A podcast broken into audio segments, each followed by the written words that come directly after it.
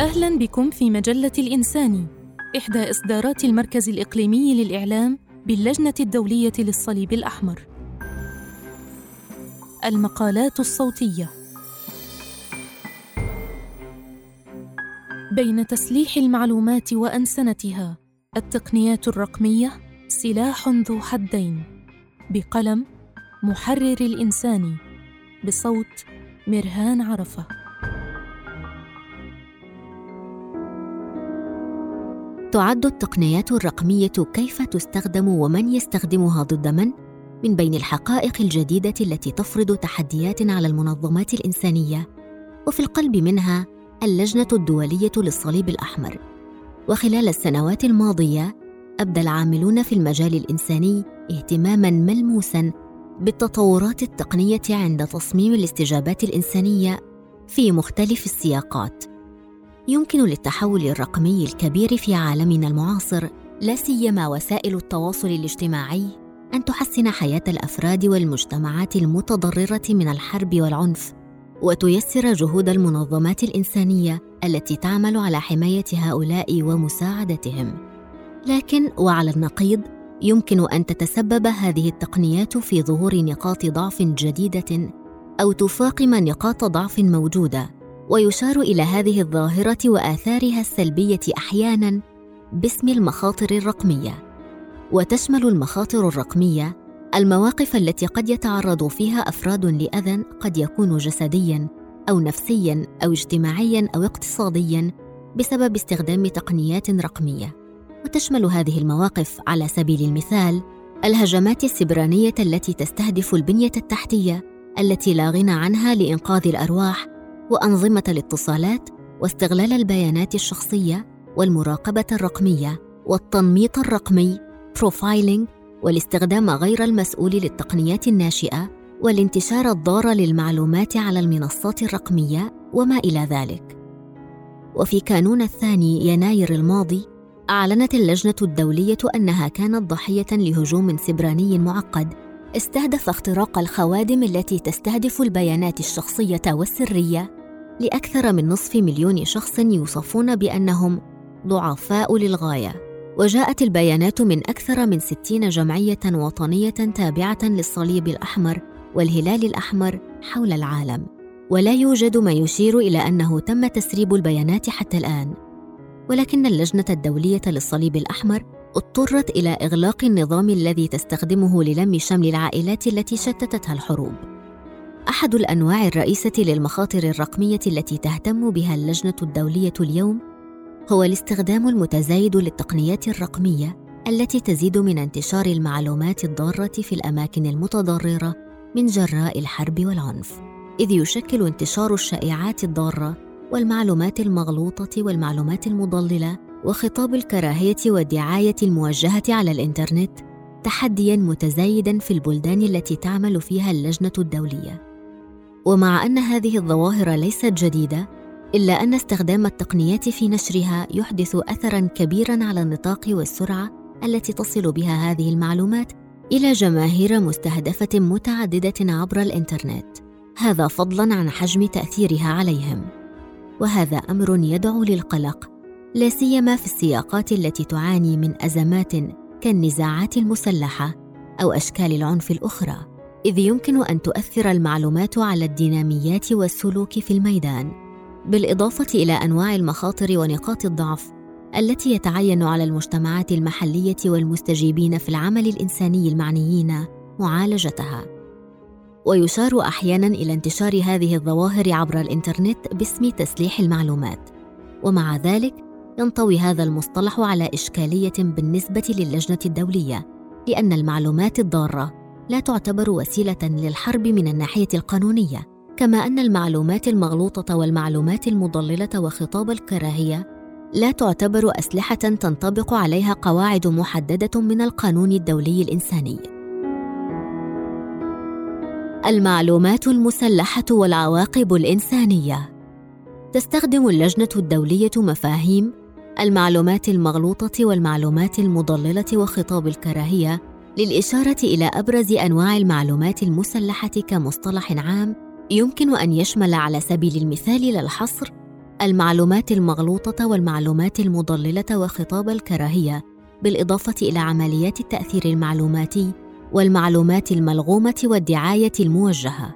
وهذه المعلومات يمكن أن تتداول من خلال الوسائل الرقمية عبر الإنترنت وغير الرقمية غير المتصلة بالإنترنت. ومع أن هذه الظواهر موجودة دائماً إلا أن مظاهرها على الإنترنت أفضت إلى مجموعة جديدة من التحديات والأضرار المحتملة. أما اصطلاح العواقب الإنسانية فيشير إلى موجات النزوح والموت والاختفاء وخسارة الممتلكات أو تدميرها وضياع مصادر الدخل والأذى أو الضرر الجسدي والعقلي أو النفسي والاجتماعي والوصم وتشتت أفراد الأسرة أو الحرمان من الحصول على الخدمات مثل التعليم، الصحة، المأوى، الغذاء. ويمكن أن تشمل العواقب الإنسانية أيضاً ظهور أو تفاقم الاحتياجات إلى المساعدات الإنسانية، وهي الاحتياج إلى المأوى والغذاء والمواد الأخرى والرعاية الطبية والدعم النفسي والنفسي الاجتماعي والدعم الاقتصادي والحصول على الخدمات والحصول على المعلومات المناسبة على المستوى المحلي وفي الوقت المناسب والدعم والمشورة القانونيين والوصول إلى الإنترنت. ويقدم الدليل العملي بشأن المعلومات المغلوطة والمضللة وخطاب الكراهية الذي وضعته اللجنة الدولية مرشدا إلى معالجة بعض التحديات الرقمية التي تواجه العمل الإنساني في الميدان.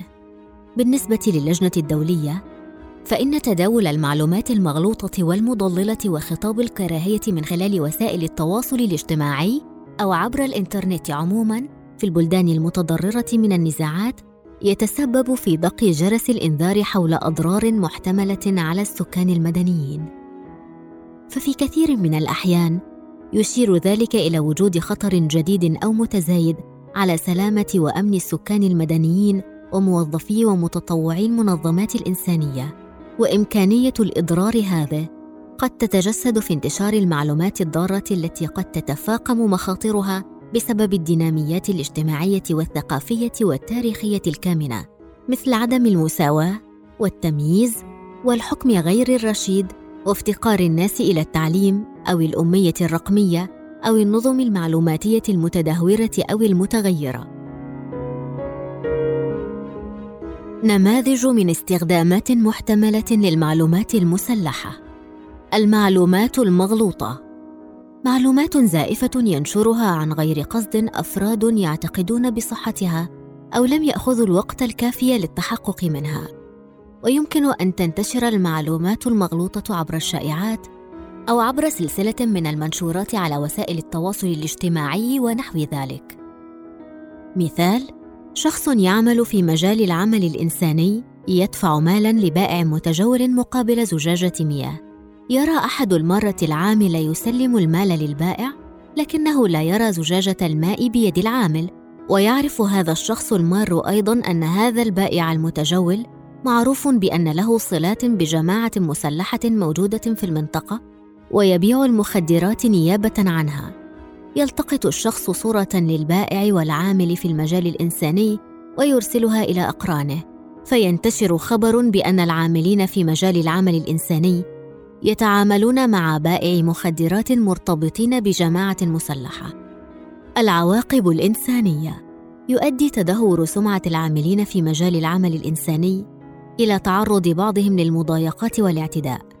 ويتهم بعضهم بدعم الجماعة المسلحة المشار إليها ويتلقون تهديدات أو يواجهون عقوبة السجن. في نهاية المطاف يطلب من المنظمة مغادرة البلاد وتتوقف جميع الخدمات الأساسية التي كانت تقدمها للمجتمع. المعلومات المضللة معلومات كاذبة متعمدة تلفق و أو تنشر بنوايا خبيثة ويمكن أن تندرج تحتها مصطلحات مثل الدعاية الموجهة وعمليات التأثير المعلوماتي. مثال جماعة مسلحة ترغب في الاستئثار بنقطة توزيع مياه معينة. تعثر الجماعة عبر الإنترنت على صور قديمة لأشخاص عانوا من تسمم بسبب المياه، فتدخل بعض التعديلات على هذه الصور، ومن ثم تنشرها عبر وسائل التواصل الاجتماعي وتطبيقات المراسلة، وتؤكد أن هذه الصور التقطت في الوقت الحاضر في محاولة لإيهام الناس بأن المياه من هذه النقطة بعينها مسممة ويجب الابتعاد عنها. العواقب الإنسانية. يترك أفراد المجتمع المحلي نقطة توزيع المياه لكنهم يضطرون الآن إلى تقسيم المياه المتاحة من مصادر أخرى بل قد ينشب قتال من أجلها أحيانا. ويقرر البعض السفر مسافات أبعد من أجل الحصول على الماء فيصبحون عرضة للهجمات والمضايقات على طول الطريق. كل هذا يؤدي إلى تفاقم التوترات داخل المجتمع ويؤدي إلى مشاكل في النظافة والصحة لا سيما بين الفئات الأكثر ضعفا. المعلومات الملغومة.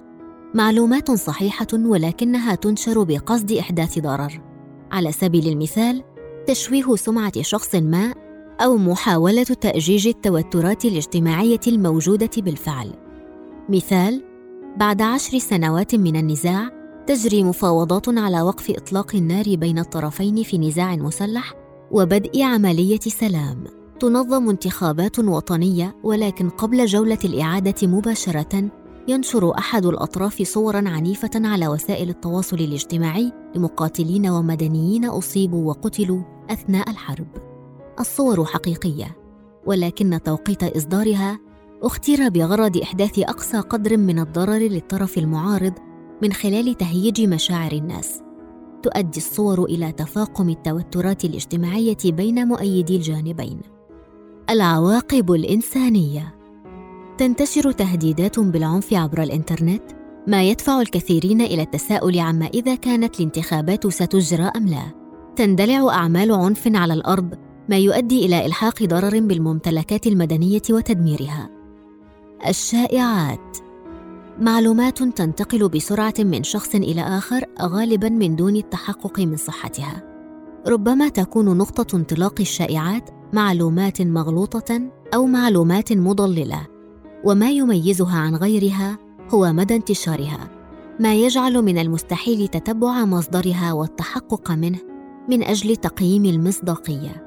مثال يعتقد أشخاص في مرفق احتجاز أن مياه الشرب التي تقدم للنزلاء تحتوي على مهدئات. تلقى هذه المعلومة على مسامع جميع الوافدين الجدد إلى مرفق الاحتجاز فور وصولهم لكن لا أحد يعرف من أين صدرت المعلومة في المقام الأول. العواقب الإنسانية.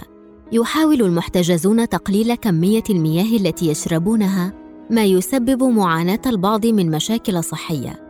ومع تزايد عدد المحتجزين الذين يودعون المستشفى يبدأ آخرون في إثارة أعمال شغب فينتقم موظفو السجن من المحتجزين بعنف شديد ما يؤدي إلى وقوع عدد من الإصابات بعضها خطير بل يهدد الأرواح. شكرا للمتابعة. للاستماع إلى مزيد من المقالات زوروا الموقع الإلكتروني لمجلة الانساني blogs.icrc.org/الانساني